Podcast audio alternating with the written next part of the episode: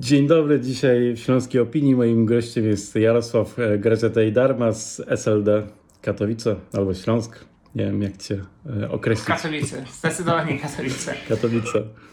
E, Jarko, mam ciebie jedno pytanie. Co będziesz robił e, 10 maja albo 17? E, Myślę, że dynamika sytuacji, w której jesteśmy, powoduje, że chyba trudno odpowiedzieć, co będziemy robili e, 10 lub 17 maja i czy będzie się to wiązało z wyborami, no bo mm, jest to oczywiste, że nawiązujesz e, do tego. E, Wolałbym, żebyśmy wszyscy byli w tym czasie w domu i żebyśmy zachowywali należny dystans, żebyśmy e, po prostu dbali o to, aby nie rozprzestrzeniać tej choroby. Ale tak myślisz, że ogóle, te wybory się w ogóle odbędą w jakiejś formie w, w, w tym miesiącu nadchodzącym albo w, w ogóle w tym roku? Bo ja mam wątpliwości. Znaczy, myślę, że w ogóle niedobrze jest, że w tej sytuacji, w której się znaleźliśmy, zarówno w wymiarze panującej pandemii, e, zagrożeń dla gospodarki, dla funkcjonowania tak naprawdę każdego z nas e, w długoterminowym e, wymiarze, jest to, że politycy poświęcają 90% czasu na temat wyborów, które tak naprawdę chyba w tej formule, też w takim wymiarze powiedziałbym, e, postrzegania tego jako pewien proces demokratyczny, no nie zachowują tych standardów, więc e, tym bardziej, tym bardziej rzeczywiście chyba to nie jest dobry czas, żeby te wybory się odbywały. Natomiast trudno byłoby mi chyba odpowiedzieć na pytanie, czy rzeczywiście te wybory się mają szansę odbyć, czy nie mają. PiS dąży do tego, żeby te wybory się odbyły. Oni mają świadomość tego, że dziś ich szanse na wygraną są jeszcze w miarę wysokie. E, Wraz z pogarszającym się informacjami i danymi dotyczącymi liczby zachorowań i zgonów, z pewnością ich szanse będą malały. W dłuższej perspektywie trzeba też się liczyć z konsekwencjami gospodarczymi, ekonomicznymi i społecznymi dla każdego z nas. Wydaje się, że żadna partia nie jest tego w stanie w dłuższej perspektywie wytrzymać. Stąd z ich perspektywy no nie dziwi fakt, że oni do tego, do tego dążą. No niestety dążą do tego, mówiąc wprost, po, po, po trupach. Tak? Znaczy, yy, znaczy z, z jednej strony zgadzam się z tym, co powiedziałeś, a z drugiej strony e, nie jestem tak pewny, że te wybory zrobione e, teraz e, będą na ich korzyść, nie? Bo e, zauważ, że na przykład głosowanie korespondencyjne ono trochę wymusi e, prawdopodobnie większą frekwencję, bo tam są te zapisy, że kartę trzeba będzie zwrócić, nawet jeżeli nie zagłosuje, więc jak ktoś i tak będzie musiał zwrócić tą kartę, to pewnie zagłosuje, nie? Mm, Znaczy, no, p- pytanie jest tego typu, jakby w kontekście tego, o czym mówisz, no rzeczywiście jakby pierwszym problemem jest legitymizacja tych wyborów, no i rzeczywiście jakby sposób tego głosowania powoduje daleko idące obawy wśród wielu ludzi dotyczących tajności tego, tego głosowania. E, przymus głosowania zaproponowany w takiej formule nie jest delikatnie rzecz mówiąc najszczęśliwszym rozwiązaniem, choć oczywiście nie możemy też zakłamywać rzeczywistości, że nie jest, e, znaczy, że przymus głos- głosowania jest jedynie charakterystyczny dla Polski, gdyż są kraje, w których istnieje takie, istnieją takie regulacje prawne, no więc to też jest oczywiście kłamstwo ze strony wielu osób podnoszących ten argument, że, że to nagle tylko w Polsce wymuszo, wymuszono głosowanie na, na obywatelach. Tu o kontekst chodzi, w którym się znajdujemy, bo co innego jest, jeżeli wprowadzono by to w normalnych warunkach. I uważam, że wtedy większa legitymizacja powoduje, że rzeczywiście no nie możemy narzekać na to, że nie idąc do wyborów nagle został wybrany kandydat, którego nie chcemy. E, A inna jest sytuacja, kiedy no jesteśmy do tego, e, do tego przymuszeni, żeby właśnie usankcjonować wybór kandydata, którego, którego nie chcemy. Ja myślę, że tu politycy chyba w każdej partii są skrajnie podzieleni co do tego, czy na te wybory należy iść, czy należy tą kartę zwrócić, czy nie zwrócić. Odbywa się również wiele inicjatyw oddolnych e, w tym, w tym zakresie. Mm, Swoją drogą chyba Lewica mm, z- zebrała ludzi do komisji wyborczych. Z tego co widziałem dzisiaj w Katowicach e, pojawiła się informacja, że w ogóle komisje wyborcze są w minimalnym stopniu e, zapełnione. E, Czyli tam w każdej komisji wyborczej, gdyby te wybory odbywały się w normalnym trybie, jest- jest pięć osób.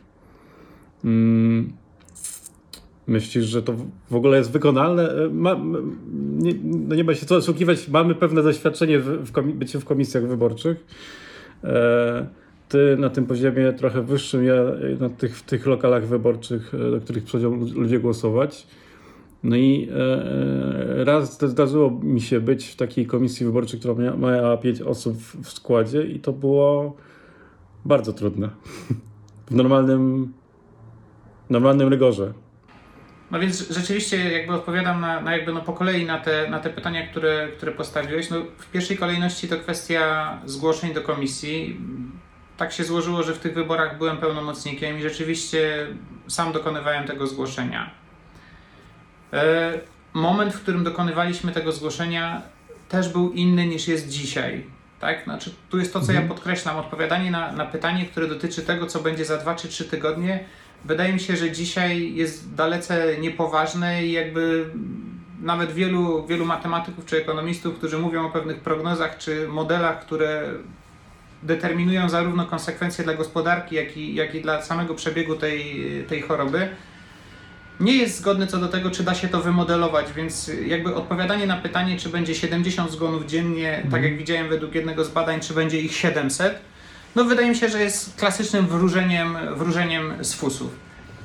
Yy, My rzeczywiście podjęliśmy taką decyzję, żeby zgłosić yy, kandydatów do obwodowych komisji, ale też w żaden sposób nie wpływamy na to, żeby ci ludzie uczestniczyli w pracach tych komisji. Mamy świadomość jakby zagrożenia, które to za sobą niesie.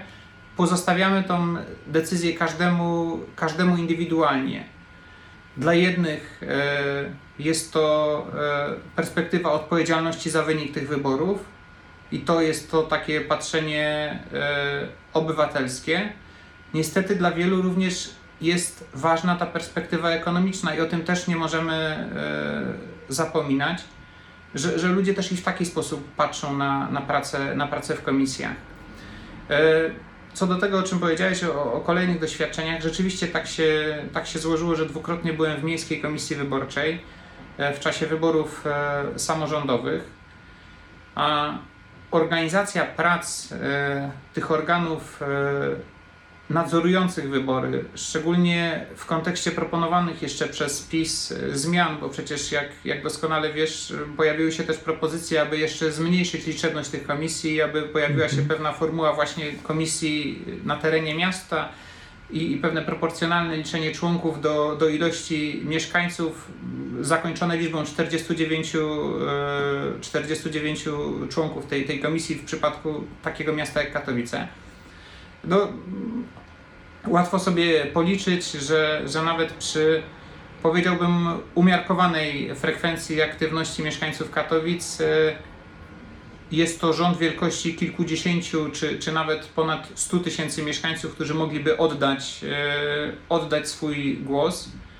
No i chyba tak tobie, jak i mi y, wydaje się to być trudne, aby te 49 osób przeliczyło kilkadziesiąt tysięcy głosów. Jak sam powiedziałeś, obwodowe komisje, które swym zasięgiem obejmują półtorej, dwa tysiące mieszkańców w skrajnym przypadku, mają problem dokonania tego w przypadku 500 e, e, w przypadku pięciu osób, czyli no, dla każdego przypadać będzie po 400-500 kart do głosowania. Mhm. Ja rozumiem, że te wybory są proste, bo jest tylko po jednym kandydacie, tych kandydatów jest tylko kilku.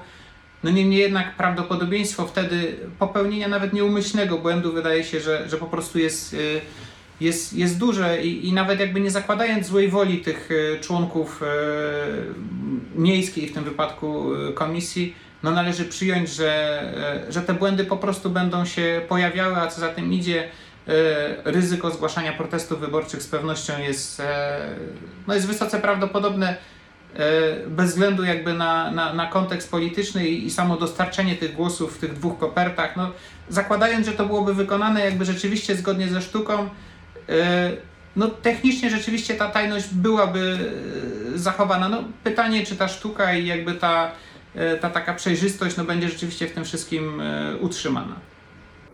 No, czyli wychodzi, że naj, najlepszy pomysł miał Jarosław Gowin, E, przedłużyć kadencję naszego prezydenta.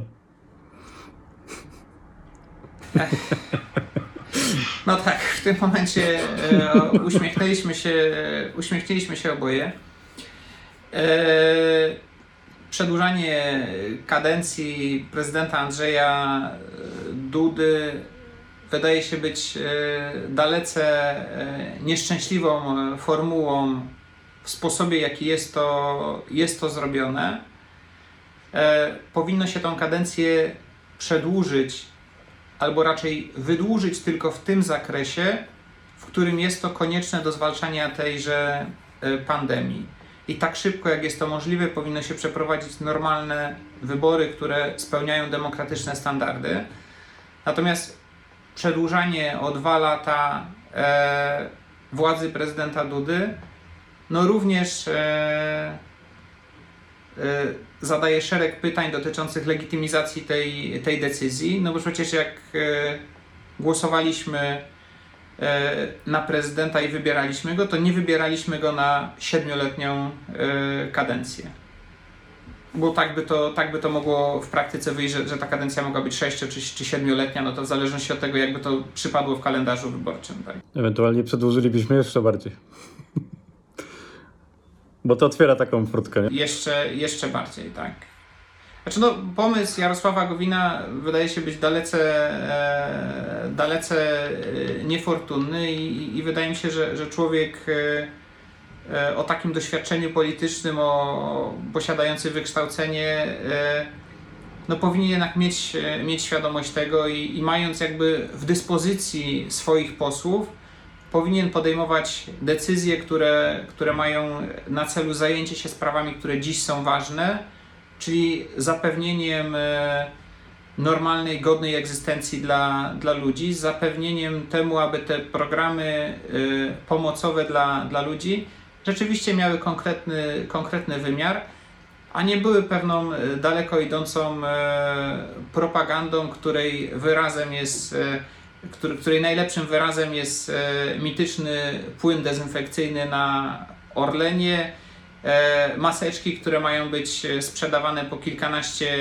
złotych, co dzisiaj powiedziała pani wicepremier, czy też lądujący ogromny samolot na, na Okęciu i robienie z tego sensacji, bo, bo wylądował transport na kilkanaście, kilkadziesiąt, czy, czy nawet niech i będzie ponad 100 ton, nie ma to żadnego żadnego znaczenia, bo jest to czynność o charakterze operacyjnym, którą tak naprawdę jak to zostało tu przywiezione, nikogo tak naprawdę nie powinno to interesować.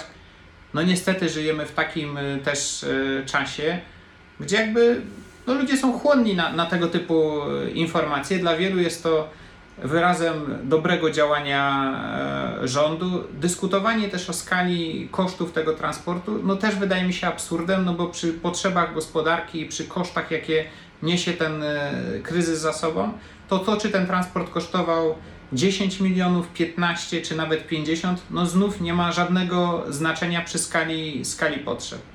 10, 15 czy 50 milionów robi wrażenie i jest imponującą kwotą dla osoby fizycznej, natomiast z perspektywy całej gospodarki no są to kwoty i koszty, na które moglibyśmy sobie pozwolić, gdyby to miało zmienić bieg tej, tej sytuacji. No, Czyli podsumowując, e, mm, niczego nie możemy być pe- pewni, że, co będziemy robić e, 10 maja, chyba tylko tego, że e, oboje pewnie pójdziemy na e, spacery ze swoimi psami. No, tego z pewnością jesteśmy, jesteśmy e, pewni. Zwierzęta e, na pewno e, nie rozumieją tej, tej całej sytuacji i rzeczywiście one tych spacerów wymagają tak jak każdego dnia i jeżeli miałbym coś powiedzieć, no to że jeżeli rzeczywiście będę w tym czasie zdrowy, nie zostanę objęty żadnymi decyzjami administracyjnymi, no to rzeczywiście z psem z pewnością, z pewnością wyjdę, tak. To, to rzeczywiście to, to, to rzeczywiście trafne, trafne podsumowanie całej, całej tej sytuacji. To tym pozytywnym e, akcentem dziękujemy i do usłyszenia. Dziękuję bardzo i życzę wszystkim, wszystkim dużo zdrowia, bo to dziś jest e, najważniejsze i abyśmy jak najszybciej z tego, z tego kryzysu w takim wymiarze właśnie ekonomicznym i społecznym jak najszybciej się wydostali i powrócili do, do takiego świata, który, który znaliśmy wcześniej.